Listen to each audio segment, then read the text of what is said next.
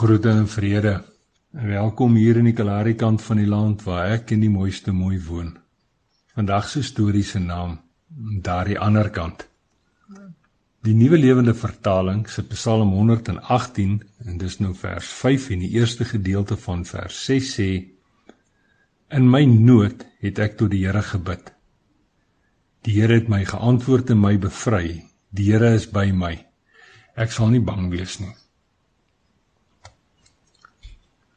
Skaars het die oggendson met sy bloedrooi oog so twee vingers hoog oor die vlak vir ons geloer.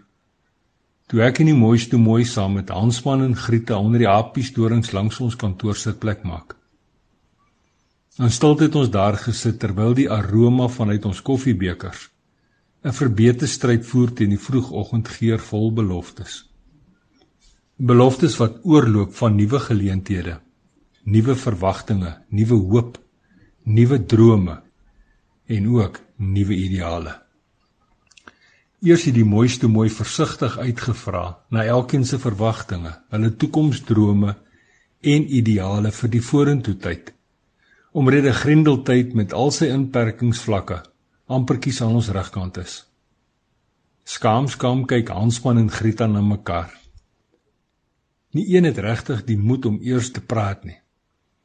En na so 'n bietjie aanmoediging van my kant af, begin Hansman stadig aan vertel terwyl Grieta hier en daar inkleer. En so word hulle waardevolste besitting. Daardie hartsaspek wat belangrik, goed en aanneemlik is, met skulpadspoed voorgehou. 'n Kosbare skat wat slegs deur hoopvolle verwagtinge, sinvolle drome en bereikbare ideale omskryf kan word stadig aan begin hulle woorde al makliker en makliker oor hulle lippe vloei. Tot my skande nogal verloor ek eensklaps vir Hansman en Grieta en hulle vertelspoor. Ek probeer egter my bes om op te vang en by te bly, maar ek kan nie. En so vertel Hansman sonder stop, maar sy woorde kry nie adres in my ore nie. My kop wil net stil staan by my eie persoonlike dinkdinge maar dit voel kompleet asof ek deur dik sand voortploeter, al strompelend en struikelend. Persoonlike dinkdinge wat beheer en oorheers word deur my verwagtinge, my drome en my ideale. Hartsaspekte wat vir my waardevol, kosbaar en spesiaal is. Dis nou omrede hy dit in my binneste binne geplant het. Dan Net soos 'n grou kat wat 'n niks vermoedende veldmuis bekruip en onverwags bespring, raak 'n ander werklikheid ook skielik en onverwags deel van die stryd in my kop. Net soos by vele geleenthede in my gistertye, is nog 'n kant deel van my dinkdinge. In daardie kant waar mislukkings en vernedering en verkleinering floreer en dit staan vrugbaar vol in die saad en natuurlik daardie kant waar die weegskaal kreun van wie hartseer, twyfel, lafhartigheid, kommer en selfs vrees. En terwyl ek erg besig is met die oorlewingsgeveg teen die ander kant in my kop, herinner die Heilige Gees my aan 'n oopsee belewenis wat die kerkkind van God se disippels gehad het. Hierdie bondelmanne was daardie nag sekerlik vol verwagtinge vol drome as ook ideale bloot net gehoorsaam aan Jesus se uitstuuropdrag. Hy het mos vroeër die middag gesê dat hulle Kapernaum toe moes roei en dat hulle daar sou ontmoet.